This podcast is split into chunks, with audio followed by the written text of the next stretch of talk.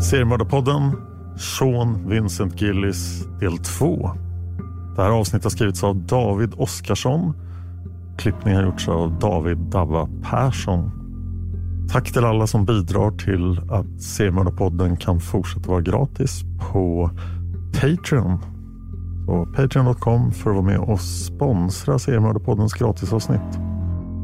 Om ni är ett företag som vill annonsera i Seriemördarpodden eller om ni känner till något sådant företag så kontakta mig på Facebook och Seriemördarpodden så förmedlar jag kontakt med ansvarig säljare på Nent. Varning! Den här avsnittsserien av Seriemördarpodden innehåller sexuellt och dödligt våld mot kvinnor. Ingen under 18.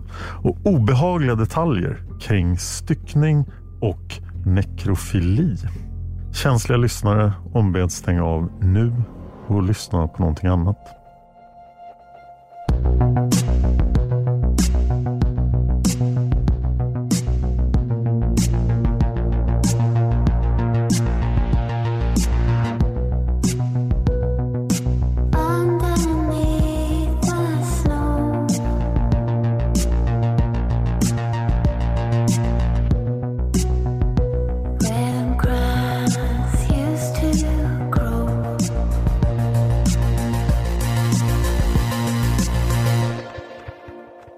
För att kunna prata vidare om Seans mordvåg måste vi först redogöra för staden Baton Rouges geografiska uppdelning i nord och syd. Skillnaderna mellan dessa två delar av Baton Rouge är nämligen anmärkningsvärd. I södra Baton Rouge är det mesta som man kan föreställa sig. Det finns finare områden och det finns mindre fina områden. Men det är fortfarande en vanlig stad vi talar om i ordets mest alldagliga bemärkelse. Men i norra Baton Rouge är det vid millennieskiftet någonting helt annat. De av er som har lyssnat på Seriemördarpoddens serie om Robert Picton minns nog det beryktade Downtown Eastside i Vancouver. Där kriminalitet var utbrett. Våld, droger, hemlöshet, fattigdom och prostitution hörde till vardagen. Lite som The Strip i Tampa som ni hörde om i Bobby Jolong också. Norra Baton Rouge är delstaten Louisianas motsvarighet till Vancouvers Downtown Eastside. Framförallt gatorna med namn som Geronimo Street, Hollywood Street, North Street, Plank Street och Winnebago Street. Kvällstid runt millennieskiftet var de här gatorna fulla av hallickar, prostituerade och sexköpare.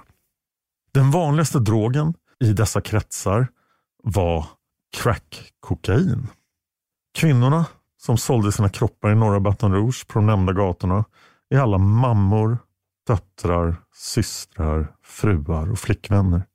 Kvinnor som har varit mitt i livet, fått sig en törn och sen drivits ut på gatan. Ofta av drogernas förödande påverkan. Just de kvinnorna som föll offer för Sean Vincent Gillis var dessutom små och späda. Sean valde endast ut jämnåriga kvinnor som inte såg ut att vara kapabla till anmärkningsvärt fysiskt motstånd. Sean Vincent Gillis kände mycket väl till nattlivet och de prostituerade i norra Baton Rouge. Han fantiserade åtskilliga gånger om alla kvinnor som han visste fanns där. Hur lätt det skulle vara att spela rollen som en sexköpare, få dem att kliva in i hans bil och sen köra iväg med dem. Ta dem till ett ödsligt ställe där han kunde göra dem till sina. Sina på sitt sätt. Faktum är att Sean Vincent Gillis innan sitt andra mord 1999 många gånger åkte till norra Baton Rouge och plockade upp kvinnor. Men då dödade han inte några av dem och han betalade aldrig heller för sex.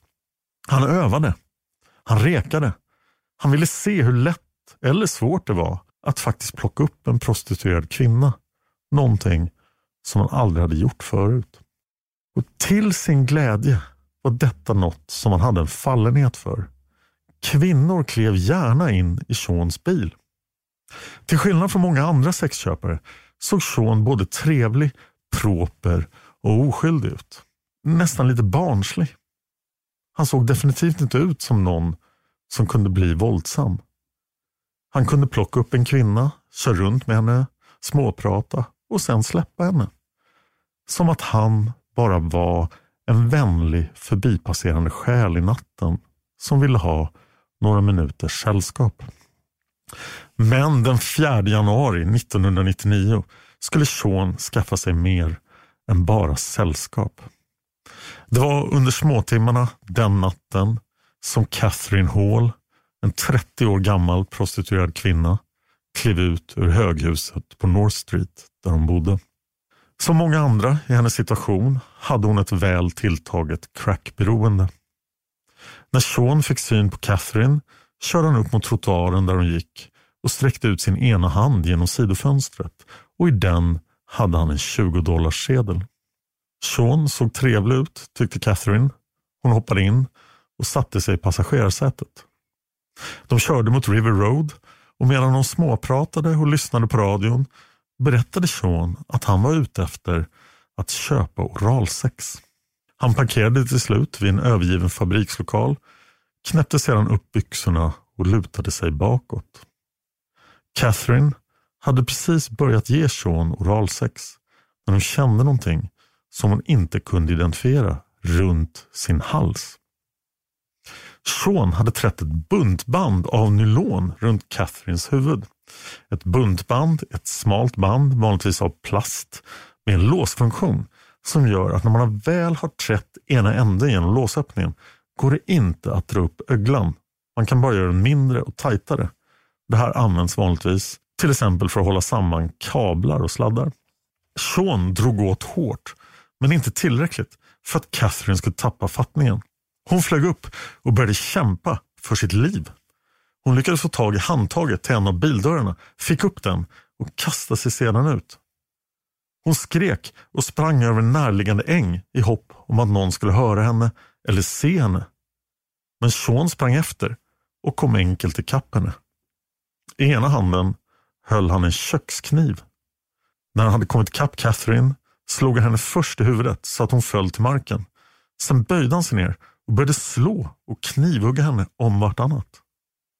Sean högg henne i vänstra ögat, genom brösten och i könsorganet. Detta medan Catherine fortfarande var vid liv. Till slut dödade han henne genom att skära av hennes hals. När Catherine var död kunde Sean pusta ut och i lugn och ro utforska hennes kropp på det morbida sätt som tilltalade honom.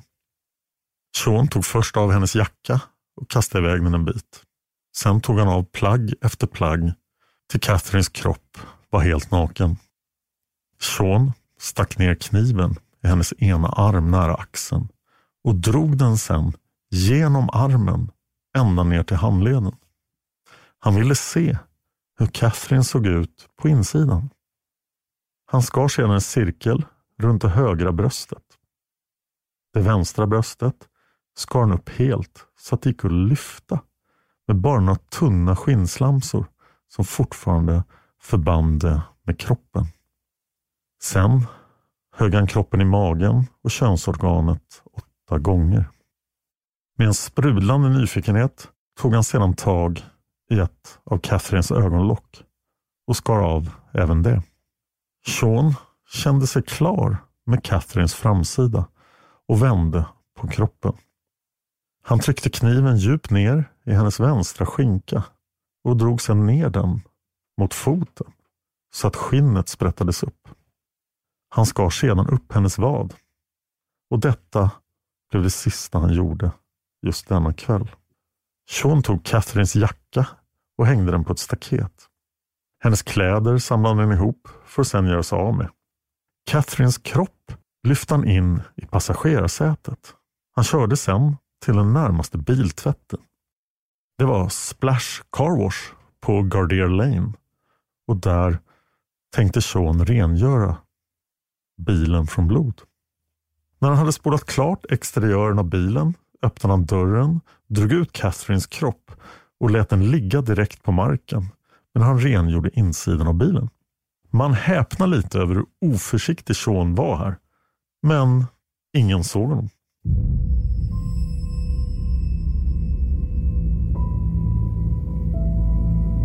Catherine Halls kropp hittades senare under dagen den 5 januari. Den låg placerad under en skylt med texten Dead End, alltså återvändsgränd. Det var som om Sean visade prov på en morbid humor. Men polisen stod handfallen. De skulle senare hitta Catherines matkuponger på River Road. Vilket gjorde att de kunde fastslå att det var där som hon hade mördats. Själva kroppen hittades i utkanten av sydöstra Baton Rouge. Mordet på Catherine Hall blev snart ett kallt fall. Det var precis som med Robert Picton.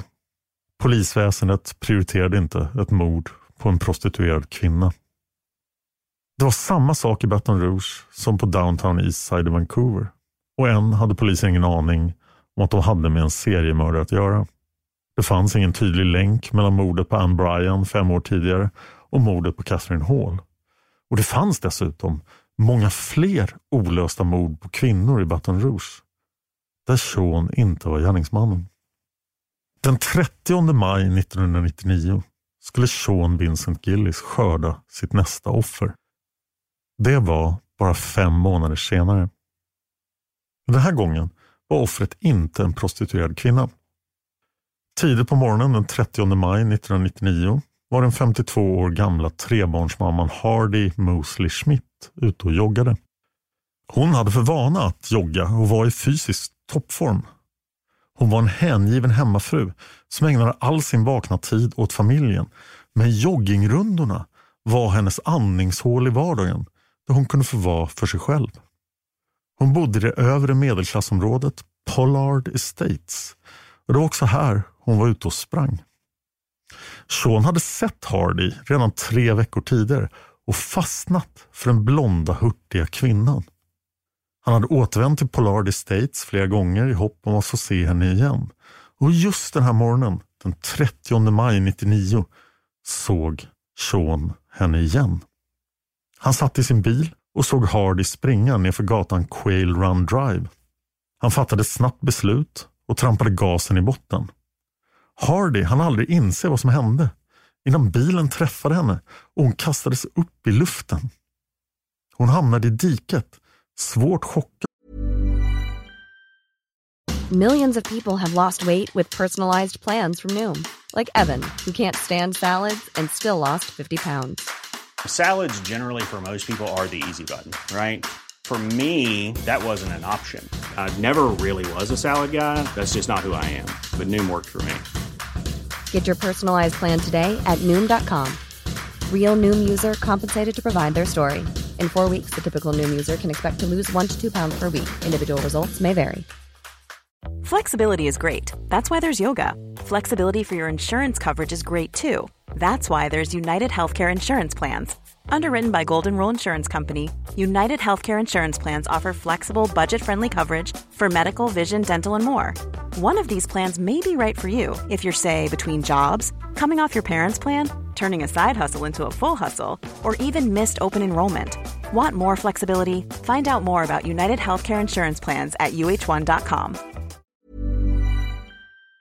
och omtöcknad. Hardy var så chockad av händelsen att hon inte gjorde minsta motstånd när Sean klev ur bilen, gick fram till henne och trädde ett buntband runt hennes hals. Med det ströp han henne. Hardy Mosley Schmidt dog där och då. Sean stoppade in hennes kropp i sin bil. Sen körde han med kroppen på Highland Road tills han kom till ett område som kallades för Breck Park. Där hittade han ett tyst och diskret skogsområde. Han parkerade, lyfte ut Hardys kropp och lade den på marken. Klockan var nu bara 05.30 på morgonen. Sean bedömde att ingen skulle komma förbi så tidigt på morgonen. Sean tog av alla kläder från kroppen. Han plockade sedan fram sin penis och drog den längs den nakna kroppen. När han hade blivit hård penetrerade han liket och våldtog det tills han ejakulerade. Och sen hade inte Sean mer tid. Han behövde göra sig av med Hardys kropp snarast. För det var dags att plocka upp Terry på Circle K eftersom hon hade jobbat natt. Men det var bråttom. Sean fick lägga Hardys kropp i bilens baklucka tills vidare.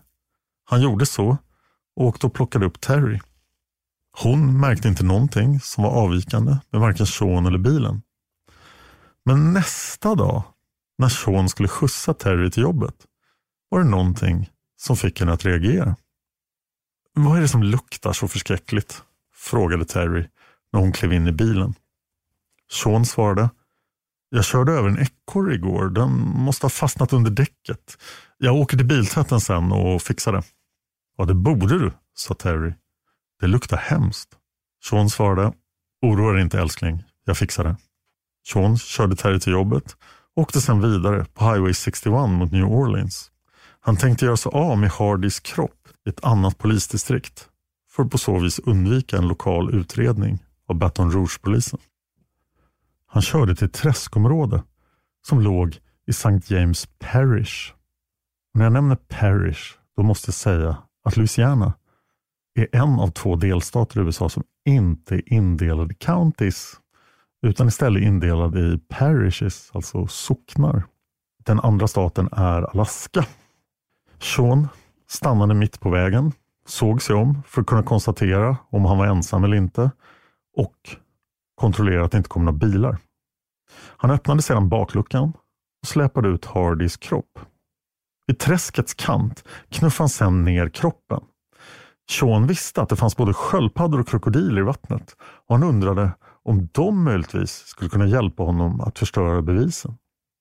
Men sköldpaddorna och krokodilerna tänkte inte hjälpa till. Hardy Mosley Schmidts kropp hittades nästa dag, den 31 maj.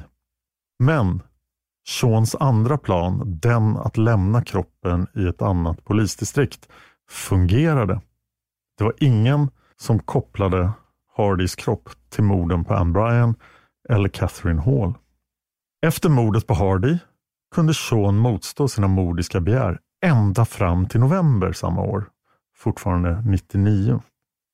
På natten den 12 november körde Sean till Scotlandville, en liten stad ungefär 9,6 mil från Baton Rouge, men fortfarande i delstaten Louisiana och intill Mississippi. Befolkningen var vid denna tid ungefär 3500 personer i Scotlandville och de flesta invånare var afroamerikaner. På vägen Highway 19 fick Sean se en kvinna komma gående, klädd i vad som såg ut att vara ett långt fladdrande nattlinne. Kvinnan i fråga var Joyce Williams. Hon var 36 år gammal, var tvåbarnsmamma. Hon tvingades sälja sin kropp för att försörja sig och hon var väldigt beroende av crack. Sean körde upp till Joyce och parkerade.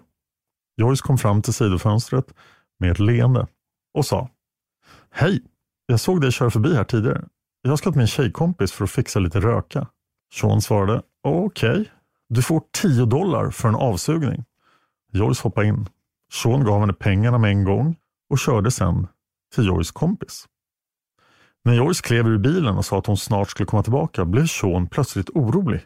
Han tänkte att hon kanske hade bluffat och försökte blåsa honom. Men hon kom tillbaka. Och inte bara det, hon hade tagit med sig en öl till Sean.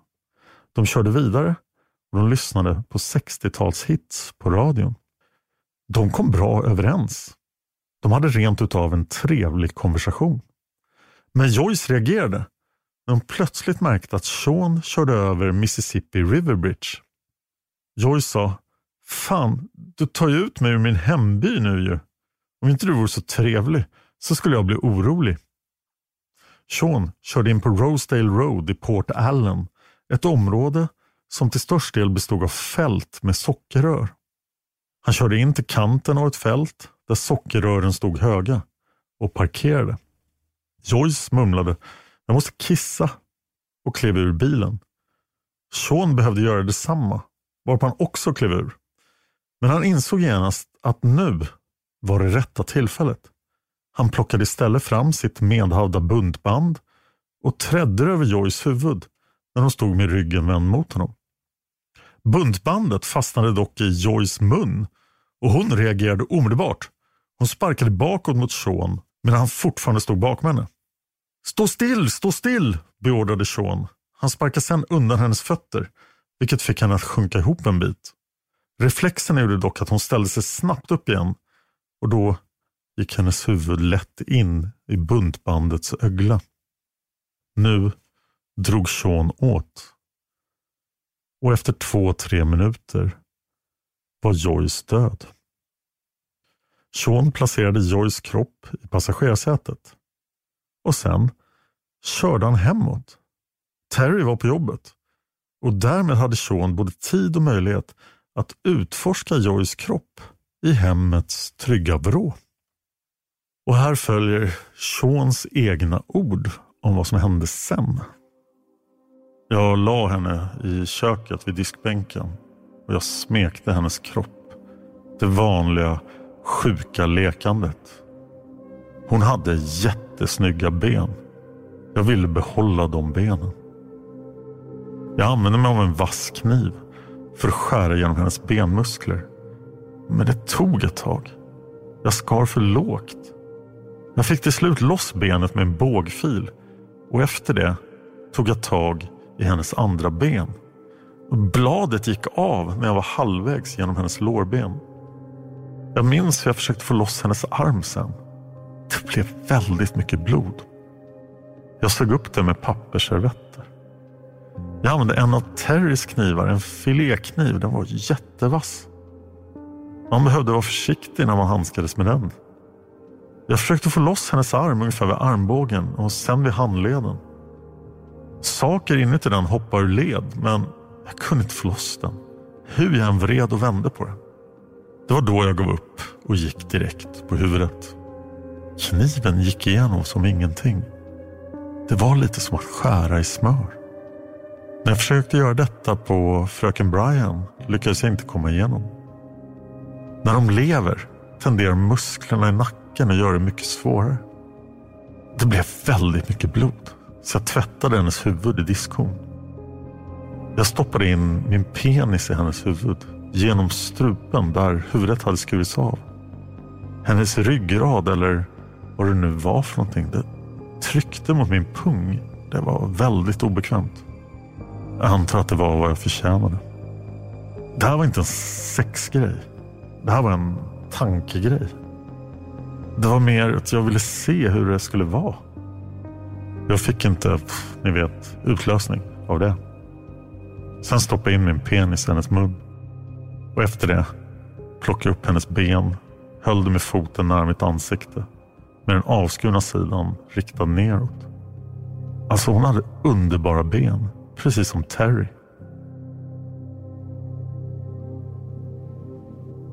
Vad Sean gjorde sen, som inte ingår i citatet som ni nyss fick höra, var att han tog filékniven igen och skar av Joys bröstvårtor.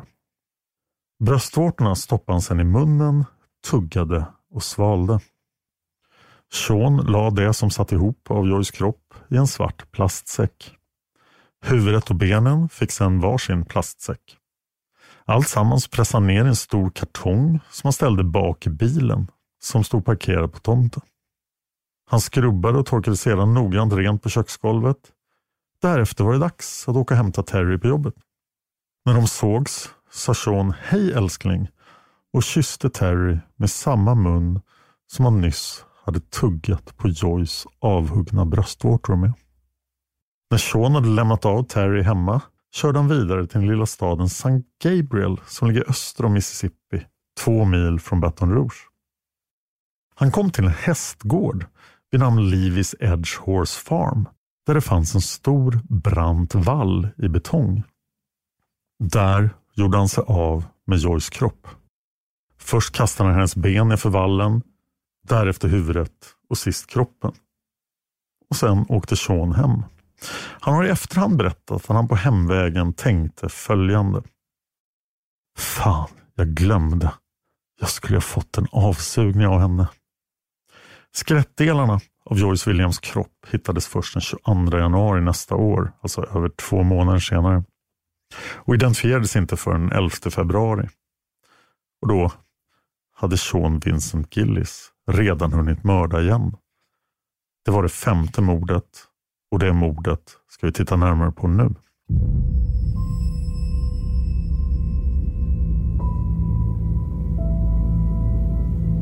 Det var någon dag I den andra veckan av januari år 2000 som Sean fick syn på en kvinna vid namn Lillian Robinson när han var ute och spanade efter små späda kvinnor som han kunde lura med sig.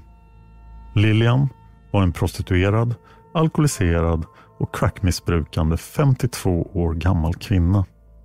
Tidigare i sitt liv hade Lillian varit djupt kristen.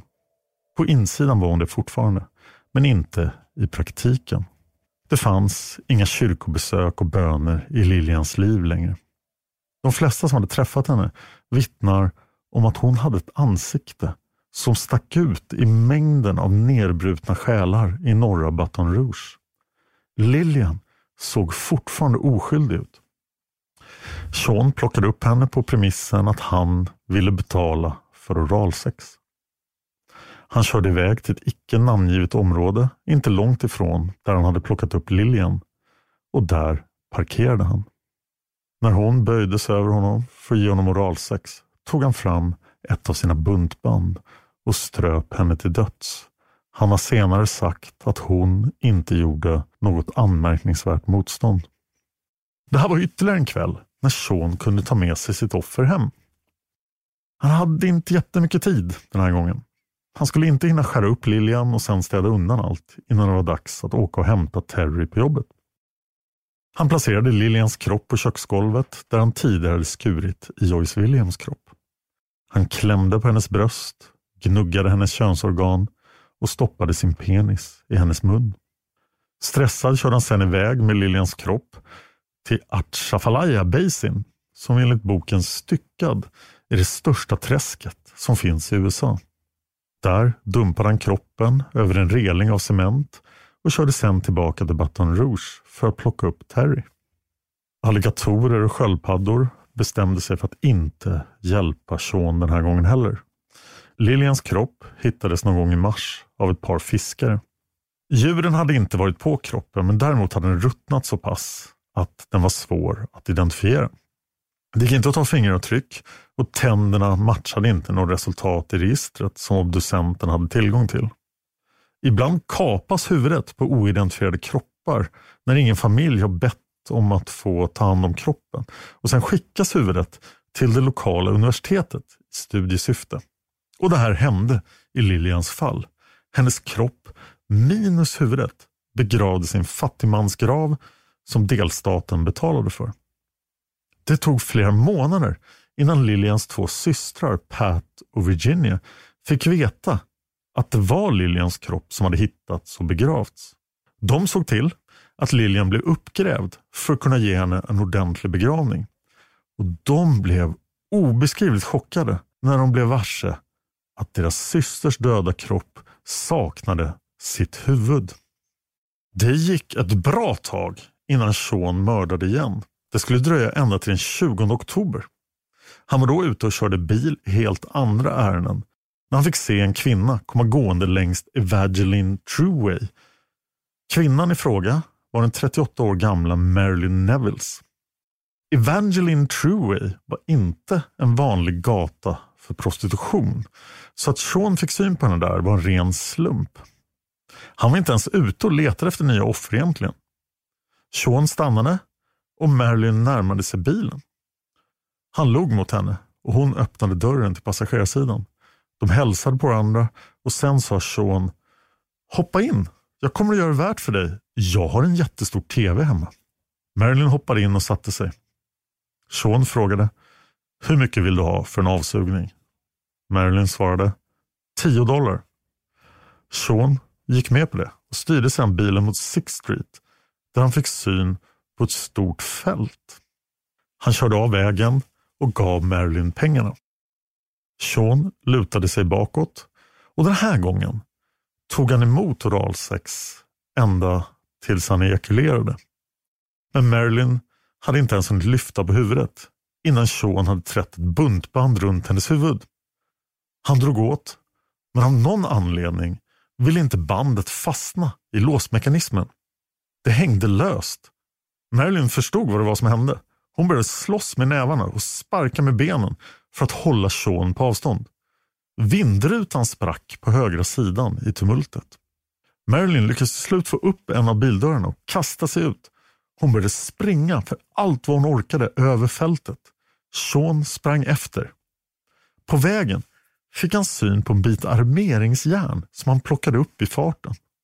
När han var precis bakom Marilyn slog han henne i bakhuvudet med armeringsjärnet. Det första slaget sänkte henne inte till marken. Men Sean fortsatte att slå henne i huvudet tills hon låg ner. Sean böjde sig ner och drog åt buntbandet. Han höll hårt och länge och till slut var Marilyn Nevilles död. Sean släpade hennes kropp tillbaka till bilen och pressade ner mot golvet framför passagerarsätet. Och just då kom han på att han ju hade betalat henne för sex. Han började leta igenom hennes kläder tills han hittade pengarna. Enligt boken Styckad ska Sean ha lett stort men han stoppade tillbaka sedlarna i sin egen ficka och tänkte det var inte en dålig avsugning det. Sean körde sedan till en biltvätt och placerade Marilyns kropp på marken. Precis som han hade gjort med Catherine Hall, offer nummer två. Men han rengjorde bilens insida. Sen la han Marilyns kropp i bagageluckan, la en handduk över hennes huvud så att det inte skulle bli blod i bakluckan. Han körde sen vidare till en bensinstation för att tanka. När han gick fram till kassan för att betala hade han blod över hela skjortan. Expediten i kassan såg på honom och antog att han hade varit i slagsmål. Expediten frågade, eh, vann du eller? Sean flinade brett, betalade och sa, ja, du skulle se hur den andra killen ser ut. Sen körde han hem Marilyns kropp. Terry var i vanlig ordning på jobbet och nu hade Sean några timmar på sig. Han la ner Marilyns kropp på köksgolvet och tog av den kläderna. Men plötsligt hände någonting. Den döda kroppen började kissa. Urin läckte ur kroppen. Sean blev först chockad och sen äcklad. Han bestämde sig för att duscha av kroppen och bar den därför till badrummet. Väl där fick han idén att duscha tillsammans med Marilyns döda kropp och klädde av sig själv. Han hade svårt att hålla kroppen uppe under duschandet. När han försökte stoppa sin penis i munnen på den döda kunde han inte få upp käkarna. De hade av någon anledning helt låst sig. Irriterad började Sean fundera kring ett ordentligt uppskärande och styckande av kroppen. Men han insåg snabbt att det helt enkelt inte fanns tid till det. Han slog in kroppen i inslagspapper från Xerox och bar ut den till bilen. Platsen för dumpning Sean hade bestämt sig för var Mississippifloden. Han körde ut till en vall som han visste fanns på River Road. Där skulle han kunna rulla ner Marilyns kropp i floden. Det var inte jättelångt ifrån där han hade gjort sig av med Joyce Williams kropp. Men när Sean kom fram var det en massa bråte i vägen. Trägrenar, skräp och andra spillror. Han insåg att han inte skulle lyckas få ner kroppen i vattnet. Irriterat lämnade han bara kroppen som den var mitt på vallen och körde hem. Marilyn Nevilles kropp låg där och ruttnade i elva dagar. Innan den hittades på halloween av en man som var ute och rastade sin hund. Det tragiska den här gången var inte bara att polisen inte hittade några användbara spår eller kunde koppla mordet på Marilyn till någon annan händelse. Det var dessutom så att ingen hade rapporterat Marilyn saknad. Ingen familj, inga vänner. Det skulle senare framkomma att Marilyn hade avlägsna släktingar i andra delstater. Men ingen av dem saknade henne. Efter mordet på Marilyn Nevilles tog Sean Vincent Gillis karriär som seriemördare en vändning. Innan hans mordiska drift hade hunnit bli så stark att han behövde gå ut på jakt igen såg han någonting på tv. Nyheterna rapporterade att en seriemördare var lös i Baton Rouge. Men de pratade inte alls om Sean Vincent Gillis. Det rapporterades nämligen om flera mord där inte Sean var gärningsmannen. Och det här fascinerade Sean oerhört. Den okände seriemördaren tilldelades namnet The South Louisiana Serial Killer och han skilde sig från Sean på flera sätt. The South Louisiana Serial Killer gav sig inte på de svaga och utstötta prostituerade i norra Baton Rouge. Hans offer var medelklasskvinnor med mer städade liv. Dessutom vittnade kropparna som han lämnade efter sig om en mer aggressiv framtoning. Vissa av sina offer hade den här okände seriemördaren slagit ihjäl med sina bara händer. Sean följde intresserat South Louisiana Serial Killers förehavanden ända fram till att han slutligen greps den 28 maj 2003 efter att ha mördat sju, kanske fler, kanske många fler kvinnor mellan åren 1992 och 2003. Den här seriemördaren är ingen mindre än Derek Todd Lee och han kommer att få sina egna avsnitt i seriemördarpodden Premium framöver som tidigare har sagts. Det här är en del av en metaserie, en serie om alla seriemördarna i Baton Rouge vid millennieskiftet. Men innan gripandet av Derek Todd Lee visste alltså inte polisen hur många seriemördare det fanns i Baton Rouge. De visste att det var många olösta mord. Men utöver Sean Vincent Gillis och Derek Todd Lee fanns ju även träskstryparen Ronald Dominic. Han mördade minst 23 män mellan 1997 och 2006. Men den som fick mest uppmärksamhet och det berodde på hans offer var Derek Todd Lee. Derek Todd Lee mördade inte homosexuella män eller utslagna prostituerade. Han mördade medelklasskvinnor och det var det som media brydde sig om. Det var det som polisen tog på allvar. Det här kan jämföras med de prostituerade kvinnornas utsatta situation i många tidigare avsnitt vi har gjort. Green River, Picton, Bobby Joe Long till exempel. Man pratar ibland om begreppet the less dead, som mordoffer, som inte spelar riktigt lika mycket roll som alla andra. Det ska vi göra ett avsnitt om i Premium också. Men just vilka som var hans offer är den sorgliga förklaringen till varför Sean Vincent Gillis mordvåg inte fick lika stor uppmärksamhet som Derek Todd Lees. Efter gripandet av Derek Todd Lee hade ju alltså Sean en möjlighet att sluta och kanske skylla sina brott på Derek Todd Lee. Det hade polisen säkert tyckt var väldigt praktiskt. Men Sean kan inte hålla sig undan från att mörda igen. Och en fruktansvärd detalj utöver de många fruktansvärda detaljer i Seans tidigare mord är att den här gången mördade han någon som han faktiskt kände. Johnny May Williams var en kvinna som levde ett liv som lite grann liknade en berg och dalbana. När hon efter ett första misslyckat äktenskap träffade en ny man togs hon och hennes tre barn plötsligt in i en helt ny tillvaro. Johnny Mays nye man var rik. Johnny May kunde bli en i princip ekonomiskt oberoende hemmafru. Hon hade en swimmingpool, hon kunde resa och shoppa nästan hur mycket hon ville. Men med tiden skulle den nya relationens mörka baksidor träda fram. Johnny Mays nye man var otrogen. Ofta. Och Johnny May vände sig till droger för att hantera det. Hon tog till crack. När det en dag tog slut mellan henne och hennes rike man stod hon på bar backe. Barnen flyttade tillbaka till Johnny Mays förste man, deras far, och själv började Johnny May sälja sin kropp på gatan för att få pengar till crack.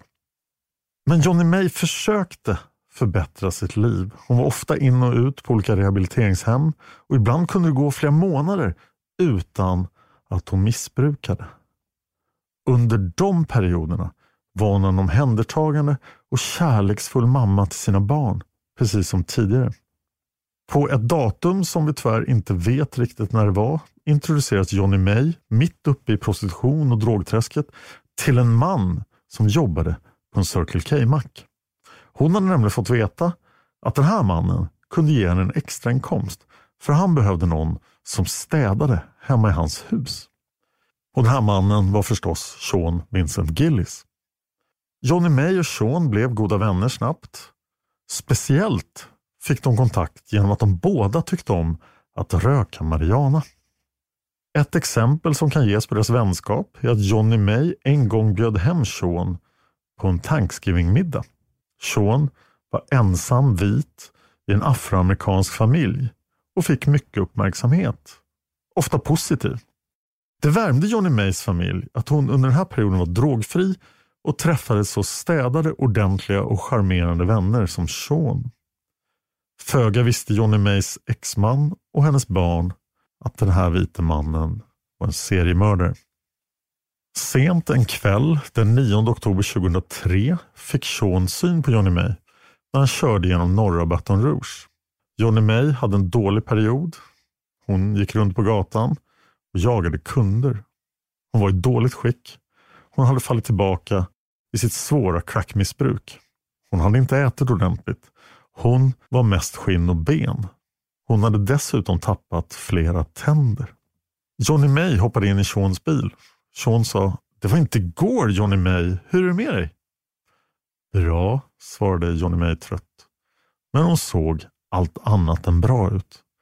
Faktum är att Sean har berättat att hon såg död ut redan när hon klev in i hans bil. Att hans tankar gick i de banorna gjorde att han snart började känna sitt begär. Han behövde en död kropp att leka med.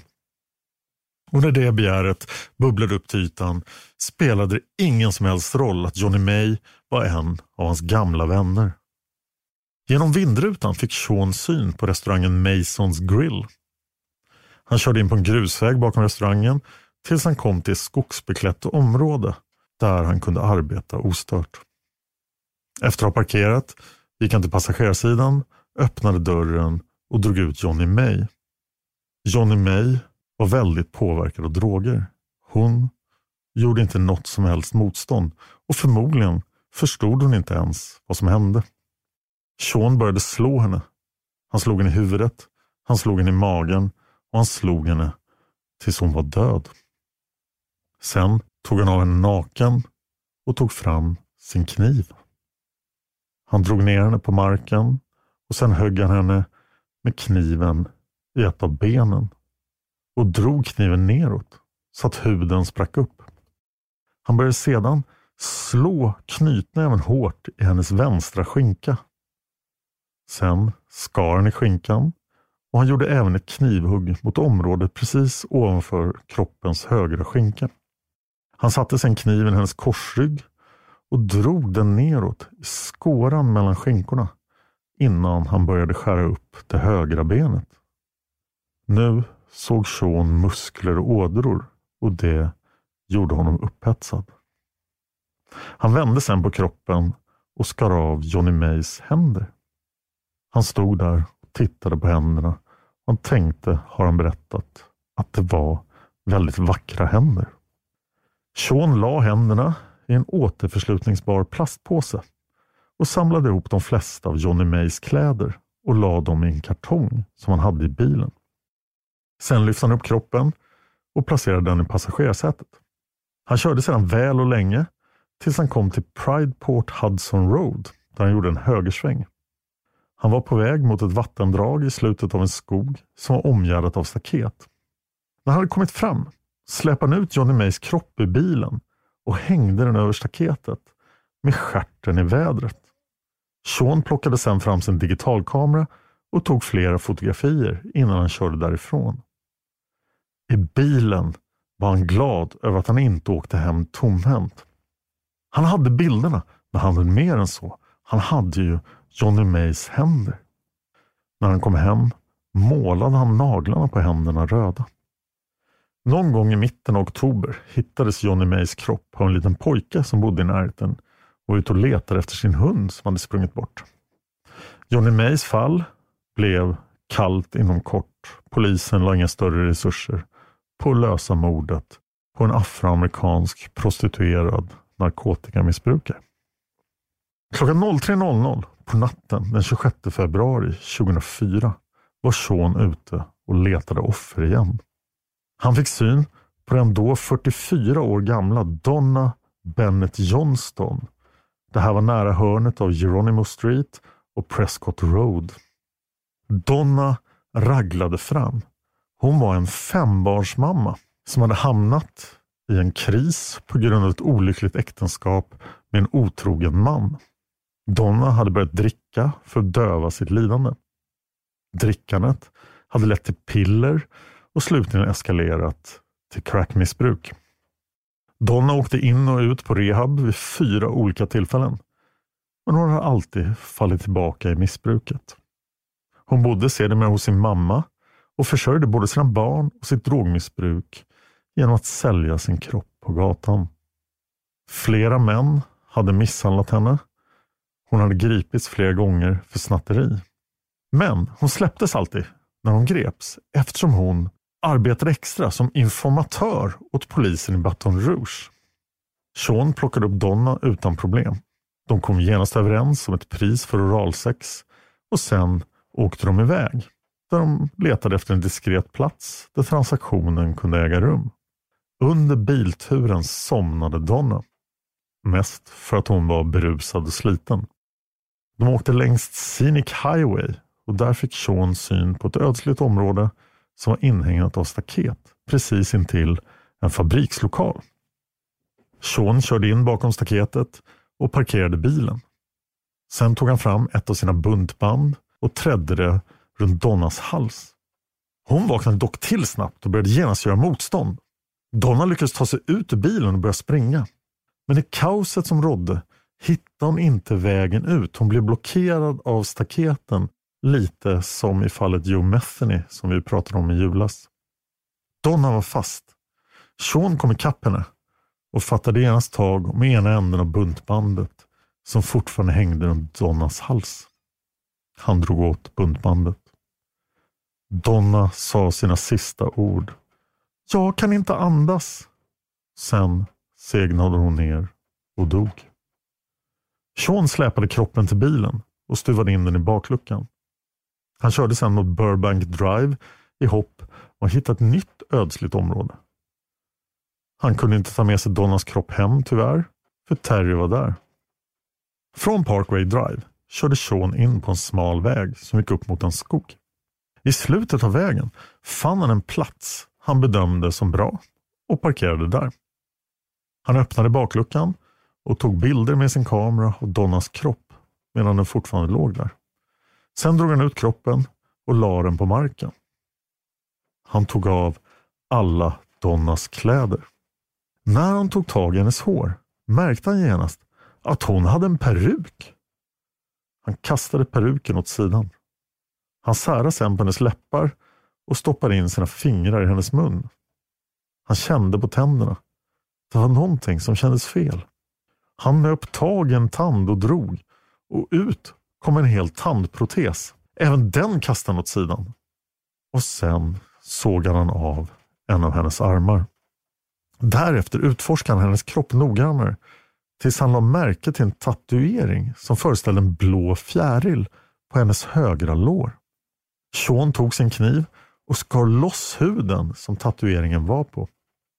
Han gned den dekorerade hudbiten mellan sina fingrar och sen skar han av hennes bröstvårtor och stoppade dem i munnen.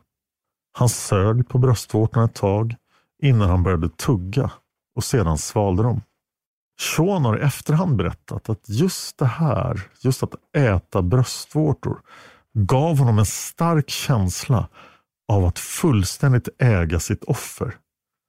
Men han tyckte egentligen att bröstvårtor smakade äckligt. Sean slog sedan in hudbiten med tatueringen i en pappersservett och stoppade den i fickan. Kroppen bar han tillbaka till bakluckan där han tog ännu fler bilder av den med sin digitalkamera. Sammanlagt tog han 45 bilder.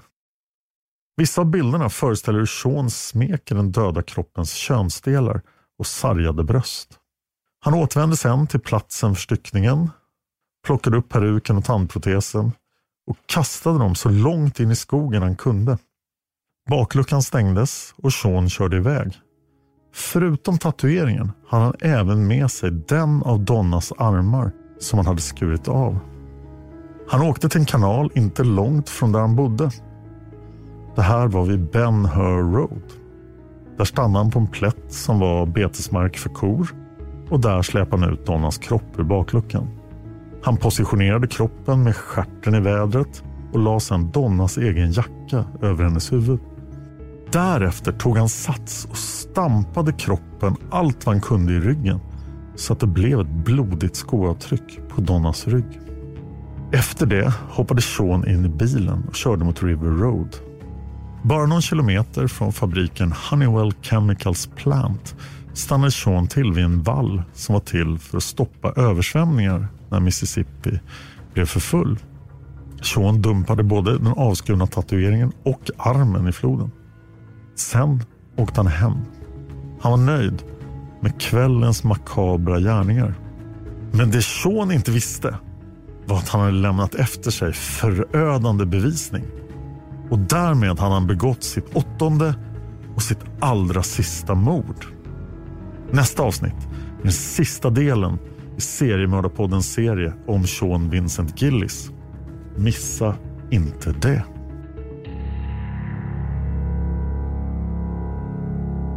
Seriemördarpodden finns på Facebook. Jag finns på Twitter och Instagram. Jag heter Dan Hörning. Följ mig gärna där så kan ni följa mina andra poddar också. En av dem är Palmemordet där jag och Tobias Henriksson pratar om mordet på Sveriges statsminister. Det största olösta mordet i hela världen sett till antalet utredningstimmar och mängden dokument för ett mord som inte har fått någon officiell lösning. Ni hittar Palmemordet där poddar finns. Tack till David Oskarsson för manuset. Tack till David Persson för ljudsättning och klippning. Och tack till dig för att du lyssnar på Seriemördarpodden.